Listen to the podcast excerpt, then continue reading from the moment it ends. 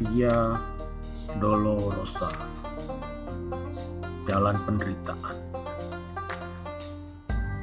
Tubuh yang tersungkur di pintu gereja itu bukan tubuh Yesus.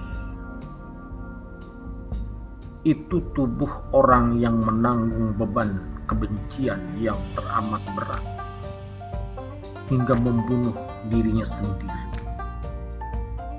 dia membutuhkan usapan kasih Kristus. Darah yang mengalir di sana juga bukan darah Yesus. Itu darah orang yang dirasuki iblis hingga ia sangat menderita.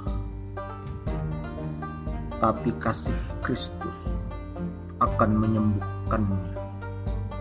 Sebab dialah yang paling tahu arti menderita. Wahai para salik di jalan penderitaan, hentikanlah caci maki dan saling menyalahkan. Teladani pengorbanan Kristus. Mari bersama-sama menuju Golgota. Salam Ahmad Gaus.